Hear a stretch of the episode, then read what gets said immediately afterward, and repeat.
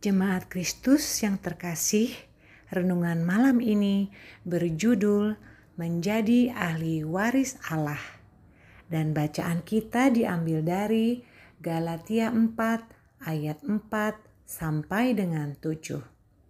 Beginilah firman Tuhan. Tetapi setelah genap waktunya, maka Allah mengutus anaknya yang lahir dari seorang perempuan dan takluk kepada hukum Taurat. Ia diutus untuk menebus mereka yang takluk kepada hukum Taurat, supaya kita diterima menjadi anak. Dan karena kamu adalah anak, maka Allah telah menyuruh roh anaknya ke dalam hati kita, yang berseru, Ya Aba, ya Bapa. Jadi, kamu bukan lagi hamba, melainkan anak. Jikalau kamu anak, maka kamu juga adalah ahli-ahli waris oleh Allah.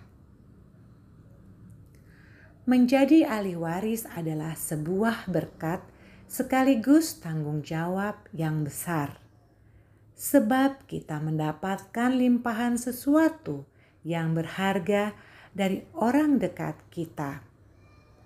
Sekaligus menjadi tanggung jawab karena kita akan dinilai apakah layak dan mampu menerima limpahan tersebut.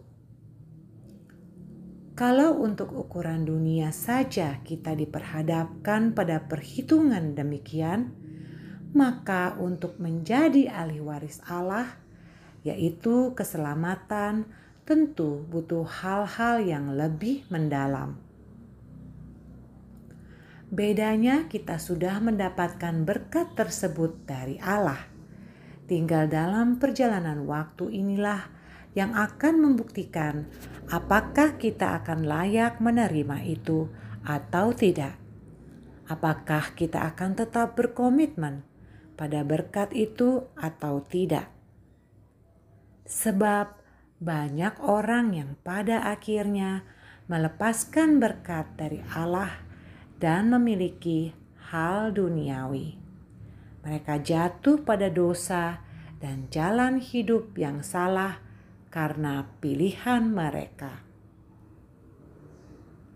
Maka dari itu, perlu bagi kita benar-benar menggumulkan apakah kita benar-benar siap menerima warisan dari Allah yang adalah keselamatan kekal. Hal apa yang dapat menunjukkan bahwa kita sudah benar-benar siap menerima itu?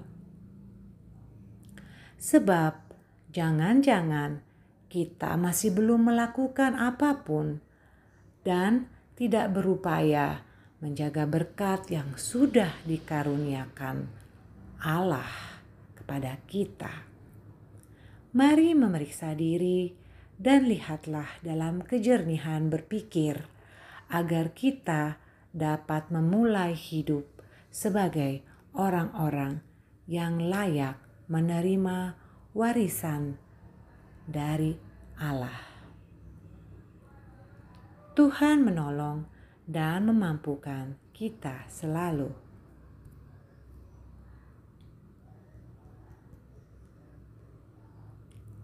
Demikianlah renungan malam ini. Semoga damai sejahtera dari Tuhan Yesus Kristus tetap memenuhi hati dan pikiran kita. Amin. Jemaat yang terkasih, mari kita bersatu hati menaikkan pokok-pokok doa yang ada di dalam gerakan doa 21 GKI Sarua Indah.